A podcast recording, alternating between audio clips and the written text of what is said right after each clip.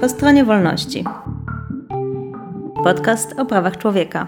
Dzień dobry, tutaj Marta Borcka z Helsińskiej Fundacji Praw Człowieka. W Po stronie wolności opowiadamy przede wszystkim o praworządności i o zobowiązaniach władzy w kontekście przestrzegania praw człowieka. I dziś przede wszystkim z tej perspektywy chcemy przyjrzeć się wyzwaniom, które postawiła w Polsce przed władzą i przed społeczeństwem napaść Rosji na Ukrainę. O tym, jak działać, gdy pomoc potrzebna jest natychmiast, będziemy rozmawiać z Katarzyną Czarnotą z Grupy Granica i Helsińskiej Fundacji Praw Człowieka. Dzień dobry.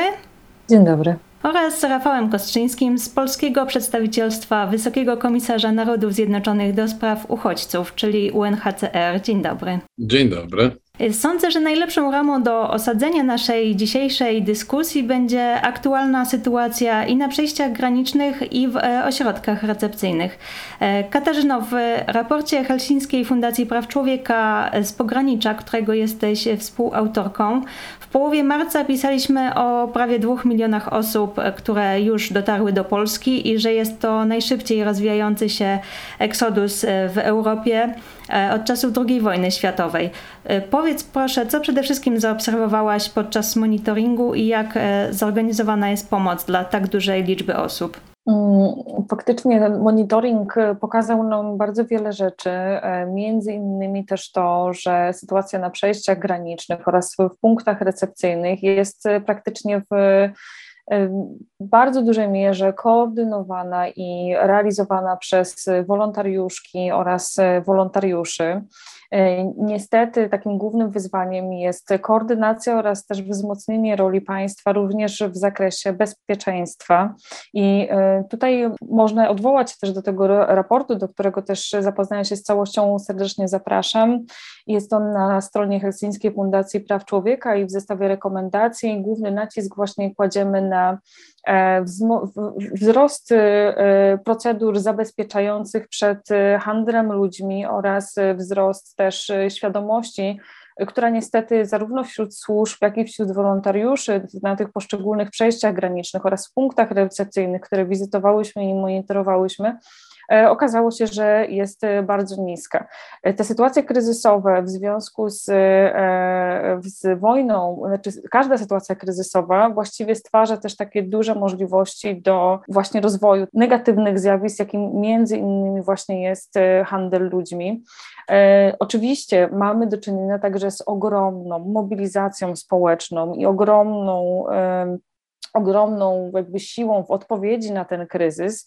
Niemniej jednak, jeżeli rola państwa nie zostanie wzmocniona i ten ciężar też tego kryzysu nie zostanie um, tylko, znaczy on w tym momencie jest właściwie po, głównie przeniesiony właśnie na barki Mm, wolontariuszy, wolontariuszek oraz tych osób, które postanowiły interwencyjnie zareagować na kryzys. Natomiast y, naszym głównymi wnioskami jest też konieczność y, wprowadzenia systemowych rozwiązań, które jednocześnie zapewniałyby właśnie dostęp do równych praw, ale dostęp również do y, zabezpieczenia osób, które po prostu są zmuszone teraz do ucieczki z Ukrainy. E, a jak byś powiedziała o tym balansie między zaangażowaniem państwa a zaangażowaniem wolontariuszy? Na ile państwo się włącza w ogóle w proces e, organizowania pomocy? Znaczy z tego, co e, zaobserwowałyśmy podczas monitoringu, e, ta rola państwa jest e, bardzo ograniczona. Głównie jeżeli, głównie tak jak już mówiłam, mm, cała sieć struktury pomocowej, cała sieć e, organizacji tej pomocy, zarówno w punktach e, recepcyjnych, jak i na przejściach granicznych, jest organizowana przez wolontariuszy e, lub przez lokalne samorządy, które też deklarowały tutaj brak obecności i wsparcia ze strony rządu.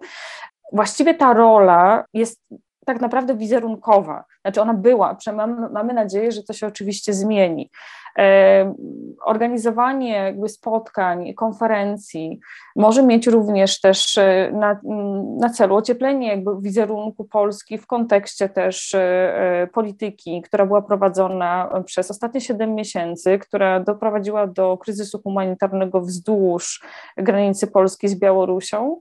Niemniej jednak ona tutaj też no, na tyle jest nieskuteczna, jeżeli chodzi o próby właśnie stworzenia tak, tak, takiego wrażenia, że mm, również rząd polski jest aktywny, w, mm, aktywnie wspiera po prostu te wszystkie struktury. No, niestety w tym momencie wygląda e, to tak, że w głównej mierze są to wolontariusze i wolontariuszki, które wykonują tą pracę nieodpłatnie, z, które przyjechały też często z innych miast e, na tereny właśnie przygraniczne, a także wolontariusze i wolontariuszki z organizacji międzynarodowych. I tutaj należy Należy też e, wspomnieć o tym, że główna pomoc, czyli w zakresie świadczenia usług e, e, pomocy medycznej, pomocy psychologicznej, pomocy w dostępie do informacji. To też jest na barkach organizacji pozarządowych, międzynarodowych, jak i pomoc żywnościowa, która w tym momencie jest też dostarczana głównie przez amerykańską organizację World Center Kitchen, co też jakby pokazuje nam, że właściwie, jeżeli jak zapytaliśmy się, zapytałyśmy się o to, kto koordynuje, czy w ogóle jakakolwiek e, instytucja jakby rządowa, czy jakiekolwiek, z jakiegokolwiek programu e, jest e, ta struktura pomocowa wspierana, zawsze uzyskiwałyśmy odpowiedź, że niestety nie. Pani Rafale, w tym kontekście chciałam też e, zapytać o doświadczenia UNHCR, które od dekad rozwija pomoc, e, czy system pomocy humanitarnej, mechanizmów szybkiego reagowania w e, takich sytuacjach kryzysowych i jak należy zorganizować pomoc, zarówno w pierwszym punkcie styku uchodźców z Polską, czyli na granicy, i w pozostałych miejscach w kraju. Chodzi mi tutaj o takie rozwiązania na tu i teraz, czas i o, mm, o, to, co w dłuższej perspektywie e, powinny zrobić czy władze, czy może też inne agendy e, międzynarodowe. Tak, taka pomoc jest realizowana na kilku etapach. Najpierw, e, jeżeli mamy do czynienia z osobami, tak jak w tym przypadku, które uciekają przed prześladowaniem i konfliktem, to pierwszym zadaniem jest ratowanie życia tych osób, czyli w tym przypadku byłoby to dopuszczenie do granicy, do procedur granicznych, wpuszczenie na terytorium e, danego kraju. W tym przypadku oczywiście mówimy e, o Polsce i na tym, na tym jakby poziomie Polska jako kraj no, zdaje egzamin bardzo dobrze, ponieważ w tym kontekście, kontekście ukraińskim, te granice są w pełni otwarte, są w pełni mm, przepustowe. Nie zdarzyły się takie przypadki, żeby ktoś został zawrócony z granicy i odesłany e, na Ukrainę, czyli w tym przypadku ta zasada non-refoulement, czyli niezawracania, jest e, w pełni respektowana, co oczywiście nas cieszy. I to jest ten taki pierwszy etap przyjmowania uchodźców e, w kraju, czyli wpuszczamy. To znaczy przenosimy ich na obszar, w którym nic im nie grozi, są, są bezpieczni, nikt do nich nie strzela. Następny etap to jest ten, który, który widziałem, będąc ponad y, dwa tygodnie na, na granicy w tych pierwszych dniach konfliktu, od, od pierwszego dnia w zasadzie. E, no to jest takie wstępne zaopiekowanie się tymi osobami. No i teraz tak, wiadomo, że to są osoby, które kilkanaście, czasem kilkadziesiąt godzin spędziły na granicy, zanim dotarły do Polski. E, często w, w, bardzo złych warunkach, to znaczy pod gołym niebem, na mrozie, wtedy było bardzo zimno, nadal w sumie jest, zresztą jest. E, e, nie miały dostępu do jedzenia, często były zestresowane, więc chodziło o to, żeby po zapewnieniu bezpieczeństwa zapewnić im również jakąś wstępną, na wstępnym, na wstępnym etapie mm, opiekę. I tu to zadanie tej wstępnej opieki miały pełnić i pełnią do tej pory e, w różny sposób, e, ale pełnią te centra rejestracji e, cudzoziemców, zwane różnie punkty recepcyjne, centra recepcyjne, ośrodki recepcyjne. Ta nazwa nie została jeszcze do, do końca skodyfikowana, tak naprawdę. To są takie miejsca, gdzie jest, które są bardzo blisko granicy. Na przykład w Medyce przy przejściu granicznym kilometr dalej, e, czy dwa kilometry dalej, już w samej, w samej miejscowości Medyka jest, jest hala sportowa, gdzie, e, gdzie takie osoby są e, właśnie zaopiekowywane. W Korczowe jest to tak zwana hala kijowska, czyli taki duży, duży, ogromny wręcz magazyn, gdzie, który został przerobiony właśnie na taką doraźną, powiedziałbym, noclegownię, ale nie chcę tu złych konotacji z tym słowem stosować, czy chociażby w Budomierzu, gdzie, gdzie też w pobliskiej, w bibliotece niedaleko Budomierza, w Krowicy samej taki, taki punkt został stworzony. Inne działają w Przemyślu, e, również na, na dworcu kolejowym. I to są takie miejsca, gdzie znaczy do, na początku, kiedy, kiedy byliśmy tam jeszcze przed um, wybuchem konfliktu, bo byliśmy tam niecały no, tydzień przed wybuchem konfliktu, sprawdzać, jakie tam są właśnie warunki recepcyjne, jak miejscowe samorządy są do tego przygotowane. Więc wtedy założenie było takie, że te osoby, które tam dotrą, po pierwsze będą się mogły szybko ogrzać, dostać jakieś jedzenie, złożyć wniosek o nadanie statusu uchodźcy, jeśli, jeśli będą e, mieli takie życzenie, miały takie życzenie te osoby. W związku z tym miałaby, mia, była, miał być tam obecny funkcjonariusz Straży Granicznej.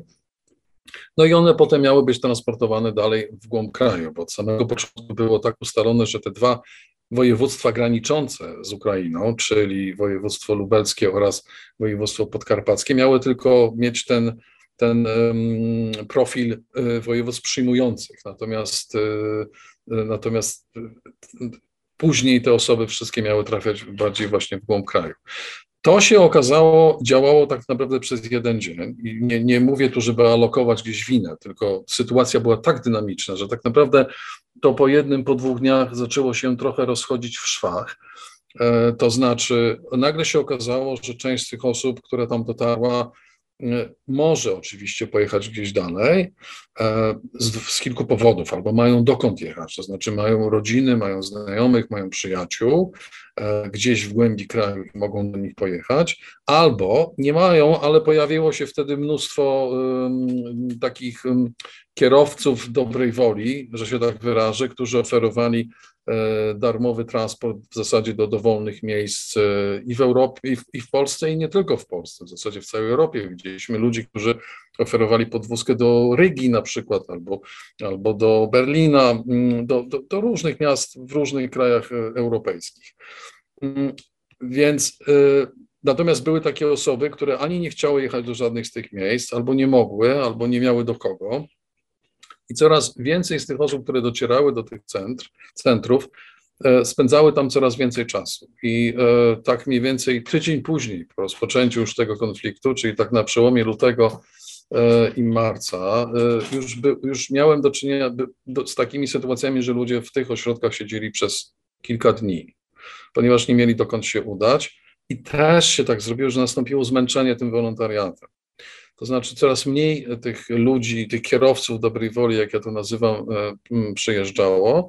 E, w związku z tym ten, ten, ten transport nie był załatwiany, nie był, nie był dostarczany tak, jak e, na początku wszyscy na to liczyli. Rzeczywiście zgadzam się z tym, że dużo, bardzo dużo, a, może nawet zbyt dużo zostało zrzucone na barki a to samorządów, a to wolontariuszy że jest ciągle zbyt małe zaangażowanie ze, ze, ze strony struktur centralnych, czyli państwowych.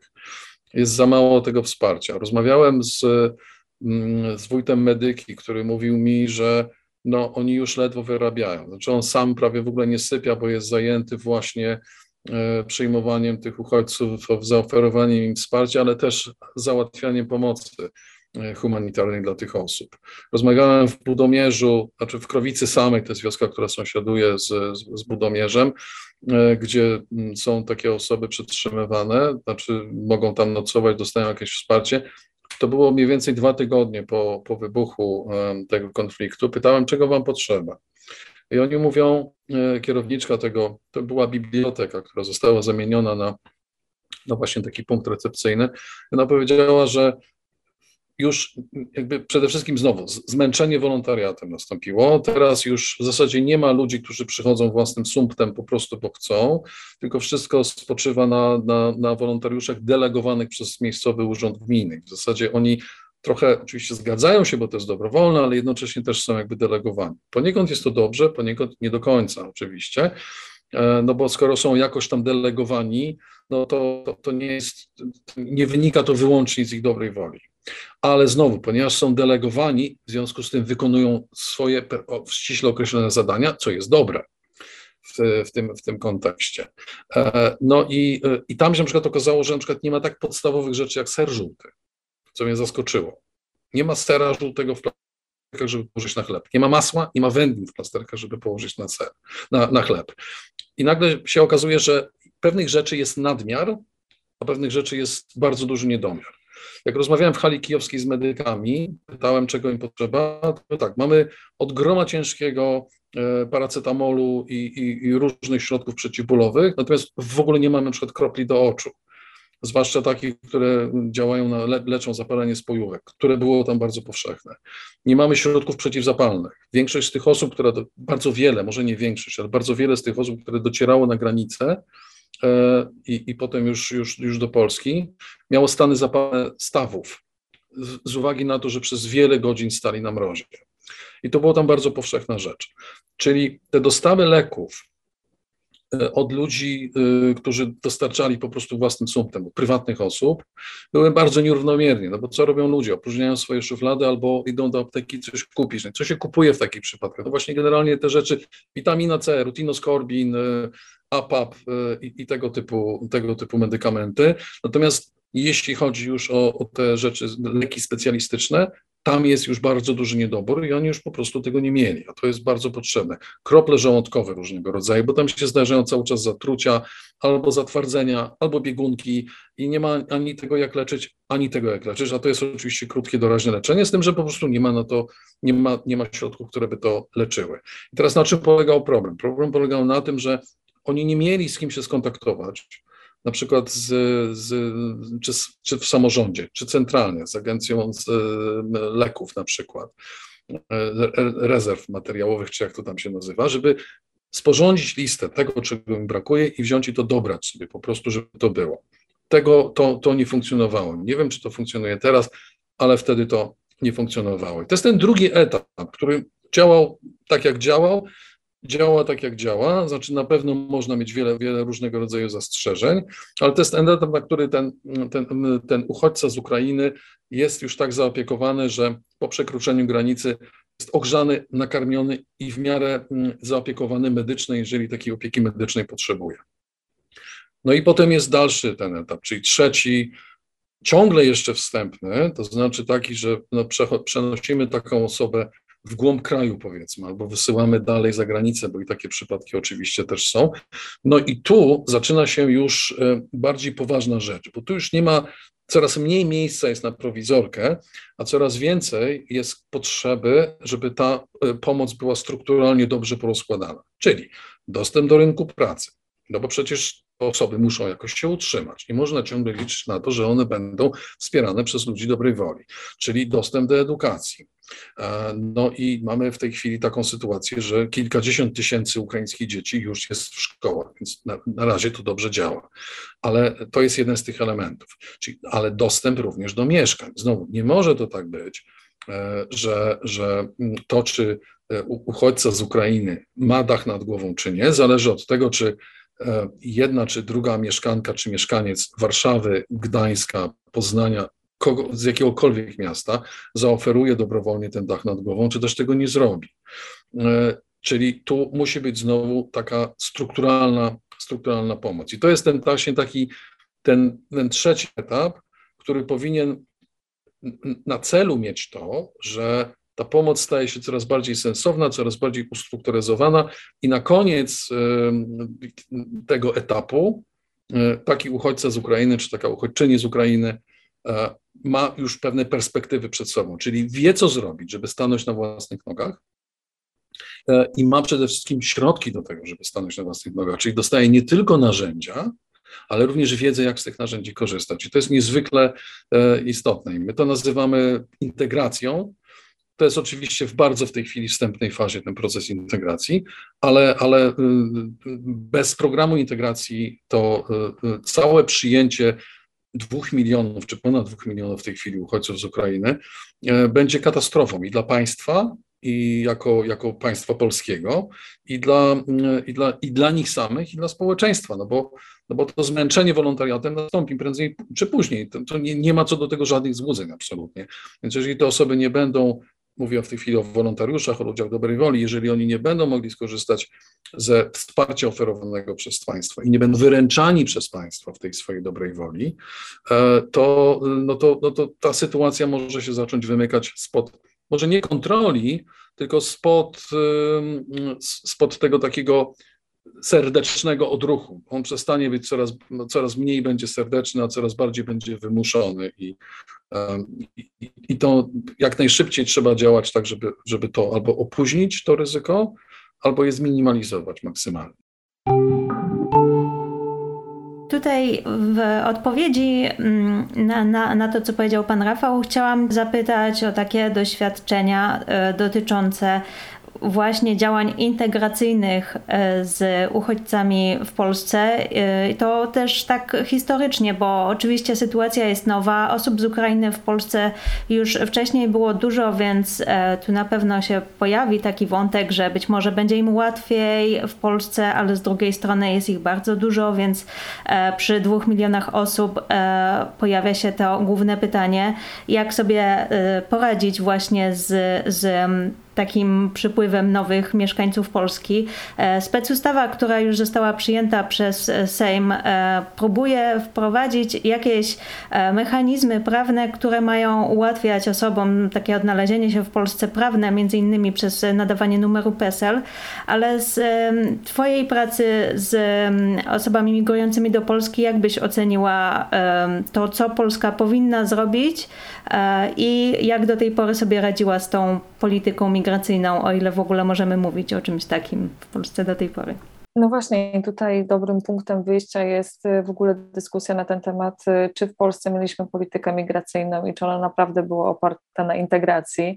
E, I myślę, że ta debata byłaby debatą niestety krytyczną. Natomiast jeżeli chodzi o to, jak, y, co można zrobić w przyszłości, co należałoby zrobić w przyszłości, też, żeby e, uniknąć e, tych wszystkich negatywnych skutków, o, o których w końcowej swojej wypowiedzi wypowiedzi wspominał pan Rafał Kostrzyński, to jest przede wszystkim zapewnienie dostępów do e, możliwości korzystania z praw i możliwości e, też realizowania swoich e, interesów oraz podstawowych potrzeb. I tutaj, jeżeli chodzi właśnie o dostęp do rynku pracy, który również zapobiegałby nadużyciom, wykorzystywaniu, dostęp do e, systemu wsparcia mieszkaniowego, dostęp do służby zdrowia, dostęp do edukacji e, na takich warunkach, które faktycznie nie powodowałyby sytuacji, w której ta polityka podziałów, która jednak ona jakby funkcjonuje i jest bardzo mocno zinternalizowana na wielu poziomach, po prostu nie doprowadziłaby do tego, że y, będziemy mieli jakby dwie różne kategorie ludzi, którzy zasługują na pomoc i którzy nie zasługują na pomoc. Należy też zwrócić uwagę na to, że e, w tym momencie, jeżeli mówimy też o tym, e, jak mocno ta rola władz centralnych jest ograniczona, ta sytuacja też jakby stwarza bardzo dużo zagrożeń, ponieważ osoby z doświadczeniem uchodźczym są właściwie w pełni zależne od tych, którzy im pomagają. Jeżeli nie będzie tego sprawnego systemu działającego, y, który też będzie nastawiony przede wszystkim na, tak jak już mówiłam, właśnie ochronę praw i jednocześnie interesów i możliwość wejścia jakby do wspólnoty e, wszystkim osobom z doświadczeniem uchodźczym, no to niestety będziemy mieli sytuację, w której nie będziemy mogli mówić o realnej jakby polityce migracyjnej, polityce integracyjnej, tylko raczej o tym, że e, będziemy dyskutować częściej niestety o negatywnych skutkach e, tego właśnie braku rozwiązań. I tutaj jeszcze na moment chciałabym powrócić do mm, kwestii związanej, bo to też związanej z transportem i z oferowaniem na przykład pomocy w formie mieszkania. I bo, ponieważ na tym przykładzie bardzo dobrze widać, e, że z jednej strony, jeżeli to jest właśnie, jeżeli te, e, to też nie jest regulowane żadnymi mechanizmami, też zapewniającymi właśnie bezpieczeństwo, mm, tego typu oferowanie pomocy jest związane właśnie z dużą możliwością nadużyć. I tutaj taką też podstawową rzeczą już na tym etapie, którą też rekomendowałyśmy po naszych wizytach, e, jest zapewnienie możliwości zgłoszenia się w momencie, kiedy te prawa osób uchodźczych są łamane, ponieważ na przykładzie transportów to było bardzo mocno widoczne, że faktycznie bardzo duża liczba osób e, podjeżdżała do punktów recepcyjnych na przejścia graniczne, oferując przejazdy, jednocześnie one w żaden sposób nie były weryfikowane. Tylko na niektórych przejściach faktycznie były, byli weryfikowani kierowcy przez policję, ale jednocześnie e, żadna z tych osób wsiadających do e, tego samochodu, bądź busa, bądź autobusu nie otrzymywała informacji do, z numerem alarmowym, na, który, na który może się zgłosić, mimo tego, że taki numer funkcjonuje. Tak samo te sytuacje sytuacje nadużyć mogą dotyczyć na przykład wsparcia mieszkaniowego. I tutaj można się też e, krytycznie odnieść do sytuacji, w której polski rząd proponuje wsparcie finansowe osobom, które z kolei świadczą pomoc indywidualną w postaci zabezpieczenia e, mieszkania rodzinom, e, które to mieszkanie oferują, natomiast pominięte tutaj, pominięci w ogóle są, pominięte są osoby E, z doświadczeniem uchodźczym i e, w tym, w tym, znaczy na tym przykładzie też widać e, te błędy, które są popełniane, które jednocześnie uniemożliwiają samodecydowanie o sobie w najbliższym czasie, a w najbliższym czasie myślę, że głównym wyzwaniem przed nami jest to, że my też musimy się po prostu E, nauczyć tego, że e, ta, ta sytuacja e, konfliktu, wojny, ona być może jest tymczasowa, ale na pewno szybko się nie skończy. I e, przy okazji tych problemów mieszkaniowych chciałam się odwołać do pomysłów, jak sobie z tym poradzić, bo tak jak e, słusznie powiedziałaś, to jest mm, jakby pomoc osobom, które przyjmują uchodźców, jest odbieraniem im e, sprawczości, a z drugiej strony powstaje pytanie, jak w takim razie państwo mogłoby zapewnić 2 miliony czy więcej miejsc pobytowych.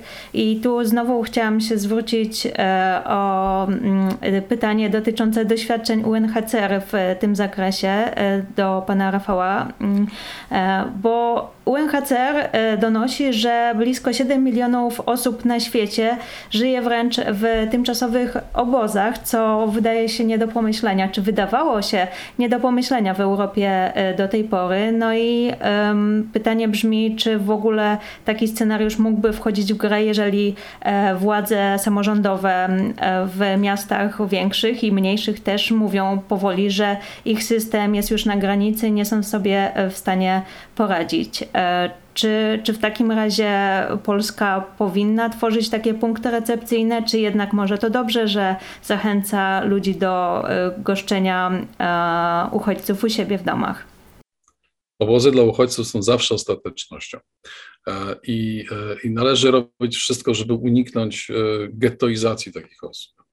Obóz dla uchodźców to jest miejsce, gdzie y, jest y, bardzo trudno prowadzić normalne życie. W zasadzie jest to zupełnie niemożliwe, czyli dostęp do edukacji, zwłaszcza do jakościowej edukacji, jest w zasadzie wyzerowany. Nie ma tego. E, nie ma w pełni funkcjonalnego rynku pracy. E, nie ma możliwości, zwłaszcza pracy na, na wyżej kwalifikowanych stanowiskach, bo tam po prostu takich, takich miejsc pracy E, nie ma. E, osoby, które mieszkają powyżej pięciu lat w takich osobach, w takich, w takich obozach, e, są kwalifikowane już jako, jako osoby, które są w przedłużonej, w nadmiernie przedłużonej sytuacji uchodźczej. A takich osób w tej chwili jest około 20 milionów na całym świecie. I to są, to są przeraźliwe dane. I nie można nawet rozsądnie rozważać, tworzenia obozów dla uchodźców w Europie, czyli gettoizowania tych e, osób, które tutaj e, dotarły. To jest, no mnie e, w głowie się nie mieści zastosowanie takiego rozwiązania w krajach jakichkolwiek Unii Europejskiej. Po to są powiedzmy uruchamiane mechanizmy relokacji lub w tej chwili ten mechanizm czas, czasowej ochrony, ta, to, to, ta dyrektywa dotycząca czasowej ochrony, Temporary Protection Directive, która została uruchomiona przez Unię Europejską, która pozwala innym krajom przyjmować uchodźców ukraińskich z terytorium Polski i, i udzielać im tak zwanej tymczasowej ochrony bez konieczności wprowadzenia ich w te długotrwałe e, procedury uchodźcze, właśnie żeby uniknąć konieczności budowania e, obozów czy, e, czy takich, nie wiem, centrów pobytowych i bez względu jakby to, jak, jak to zwać, to, to, to, nie może być takie miejsce, w którym te osoby będą prze, prze, przebywały dłużej niż tylko bardzo tymczasowo, powiedzmy, nie wiem, przez tydzień, może, czy, czy może przez dwa, czyli takie przejściowe centra, nie wiem, e, relokacyjne. My tak naprawdę mamy ograniczone pole działania w tym aspekcie, dlatego że wszystkie kraje Unii Europejskiej, wszystkie kraje Europy w ogóle są sygnatariuszami konwencji genewskiej dotyczącej statusu uchodźcy z 1951 roku. To oznacza, że za wszystkie procedury uchodźcze oraz za mm, rozmieszczenie uchodźców, danie im zakwaterowania i programy integracyjne odpowiedzialne, odpowiedzialne są władze poszczególnych krajów, nie UNHCR. E, nasza rola w Unii Europejskiej, czy w Europie w ogóle, jest zupełnie inna od tej, którą widać powszechnie na, na różnego rodzaju obrazkach z, z Bliskiego Wschodu czy z Afryki. Tu nie, nie ma, nie my rozpatrujemy wnioski, nie my kierujemy te osoby do procedury uchodźczej i nie my weryfikujemy, czy, czy, mm, czy te osoby, które złożyły wniosek o nadanie statusu uchodźcy, rzeczywiście wymagają ochrony międzynarodowej, czy też nie. My tu władzom możemy doradzać. E, natomiast e, no, w tej chwili oczywiście zwiększamy, mm, zwiększamy bardzo e, nasze działania na tej zasadzie, zakres naszych działań na tej zasadzie, że pomagamy oczywiście mm, władzom samorządowym, ale też centralnym w identyfikacji najbardziej palących potrzeb, jak również wspieramy finansowo rodziny uchodźcze. Uruchomiliśmy program w wysokości prawie 200 milionów dolarów około 800 milionów złotych właśnie w celu wsparcia rodzin uchodźczych, które dotarły z Ukrainy po 24 e, lutego, ale nie my decydujemy o tym, czy tworzyć obozy dla uchodźców, czy, czy, czy nie. Tak jak powiedziałem, to jest zawsze ostateczne rozwiązanie, nigdy nie przynosi dobrego, e, dobrego rezultatu i stosowane jest wtedy, kiedy państwo to powiedzmy, gdzie są największe obozy dla uchodźców? Dla uchodźców? No to jest Kenia, to jest, to jest, e, to jest Etiopia, to jest e, mm, Turcja, Jordania, czyli to, to, ale również Iran i Pakistan, e, czyli tam, gdzie państwo już jest zbyt słabe, żeby radzić sobie z dużymi napływami, często wieloletnimi E, i jest zbyt słabe na to, żeby zbyt słabe ekonomicznie, żeby poradzić sobie samo bez wsparcia z zewnątrz. Ale w Unii Europejskiej zastosowanie czegoś takiego byłoby no, klęską humanitarną i klęską wizerunkową, uważam. Z drugiej strony jednak kryzys 2015 roku pokazał, że nawet państwa Unii Europejskiej nie do końca potrafią odpowiadać na tego typu um, nowe wyzwania, bo chociażby Grecja, e, Grecja miała bardzo dramatyczne obrazy, które widzieliśmy ze swoich obozów, czy, czy chociażby e, wcześniej we Francji ale chciałam się tutaj odnieść y, do tych procedur i tego, że właśnie to Polska odpowiada za to, jak wyglądają procedury y, graniczne i nadawanie statusu uchodźcy, e, no i o rolę Straży Granicznej, bo ciężko jest tutaj się nie odwołać do naszych doświadczeń, które e, mamy od lata 2021 roku jako Grupa Granica e, z kryzysu na pograniczu białoruskim. Katarzyno, czy mogłabyś nam powiedzieć, jaki problem przede wszystkim możemy zaobserwować, jeżeli chodzi o o tą dysproporcję w różnicowaniu uchodźców, bo wydawałoby się, że jeżeli mamy stosować e, politykę integracyjną, to w takim razie wszystkim osobom uciekającym przed wojną powinniśmy zapewnić takie same procedury, a tymczasem e, wydaje się, że, że żyjemy w dwóch światach i granica ukraińska od białoruskiej w podejściu naszych władz wydaje się polityką absolutnego przeciwieństwa. I dokładnie tak jest, ponieważ e, e, to, co obserwujemy od siedmiu miesięcy na granicy e, polsko-białoruskiej, to, co jest nazwane kryzysem humanitarnym, też ze względu właśnie na skalę przemocy, skalę normalizacji tej przemocy, skalę kryminalizacji zarówno migracji, jak i pomocy osobom przymusowo migrującym, faktycznie jest bardzo duże. I tutaj ta sytuacja jest bardzo odmienna i ta polityka jest kompletnie sprzeczna też ze względu na to, że z jednej strony, co oczywiście zasługuje na ogromną pochwałę, na granicy z y, Ukrainą w, y, w odpowiedzi na wybuch wojny, wszystkie granice, wszystkie procedury zostały mm, zostały zmienione w taki sposób, który faktycznie umożliwia e, przejście przez granicę, e, uzyskanie jakby możliwości po prostu bezpiecznego schronienia. To oczywiście jak ta polityka będzie wyglądać dalej, no to jest kwestia bardziej skomplikowana i dotyczy no właśnie szerszej debaty, którą wcześniej podejmowaliśmy, ale e, przede wszystkim należy pamiętać o tym, że nadal wzdłuż granicy z Białorusią obowiązuje zakaz wjazdu do strefy przygranicznej. E, zakaz wjazdu nie tylko dla mm, aktywistów, aktywistek, ale także dla e, wszelkich organizacji e, niosących bezpośrednią pomoc. I co, czym skutkuje właściwie ten zakaz wjazdu? Ten zakaz wjazdu w momencie, kiedy mm, kolejne osoby zgłaszają się z prośbą o pomoc do grupy granica, przypomnijmy, że tylko w ostatnich 24 godzinach było to 88 osób, w tym e, ponad 20 dzieci. E, jedno 40-dniowe, które urodziło się na terenie na terenie hali w, zlokalizowanej w Bruzgach po stronie białoruskiej, gdzie funkcjonariusze Białorusi przez wiele tygodni przetrzymywali kilkaset osób. E, i w skrajnie złych warunkach. E, te osoby też były poddawane zróżnicowanych, zróżnicowanym formom tortur, e, były też częściowo tam przetrzymywane, niektóre były, były też głodzone. Do grupy granica docierały informacje, informacje też o zróżnicowanych formach przemocy, to znaczy gwałtach, wykorzystywaniu przede wszystkim tej sytuacji właśnie podległości i pozbawienia praw. Przechodząc na stronę polską, niestety nie można im udzielić pomocy.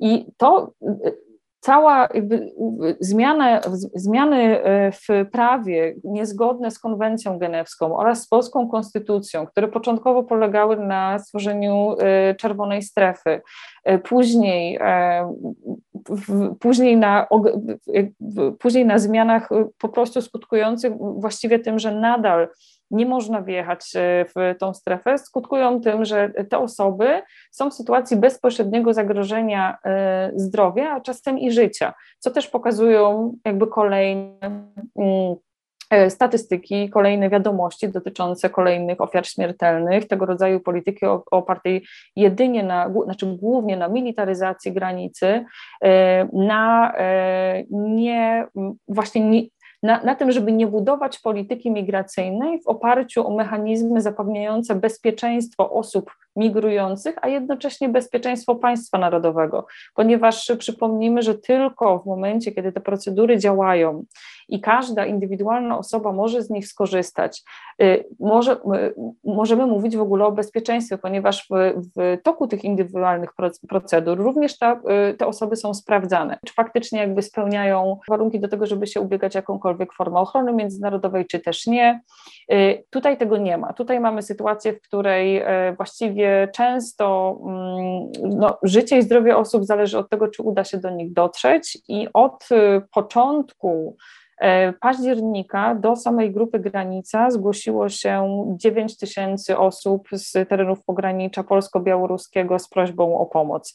I jest to i tak bardzo mało i nie możemy mówić o pełnej skali tego zjawiska, ile osób właściwie próbowało przejść tą granicę, ile osób na tej granicy zmarło, właśnie ze względu na bardzo e, ograniczone możliwości dostępu do informacji, na ograniczone możliwości działania. Z grupą granica skontaktowały się tylko te osoby, które miały taką możliwość, to znaczy, które miały telefon, które mm, używały e, mediów społecznościowych, które po prostu wiedziały, że mogą się do kogoś odezwać również się odzywały często do, z prośbą o pomoc do UNHCR-u.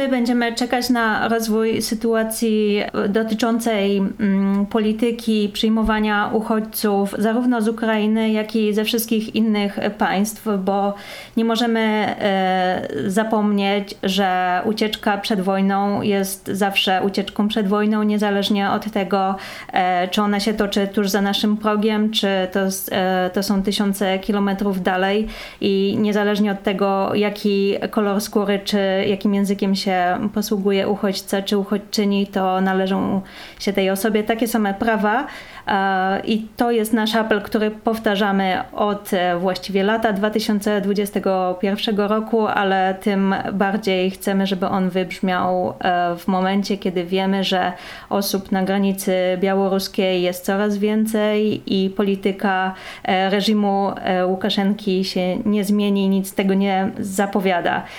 Dziękuję serdecznie za rozmowę dzisiaj, którą prowadziliśmy z Katarzyną Czarnotą i Rafałem Kostrzyńskim. Do usłyszenia.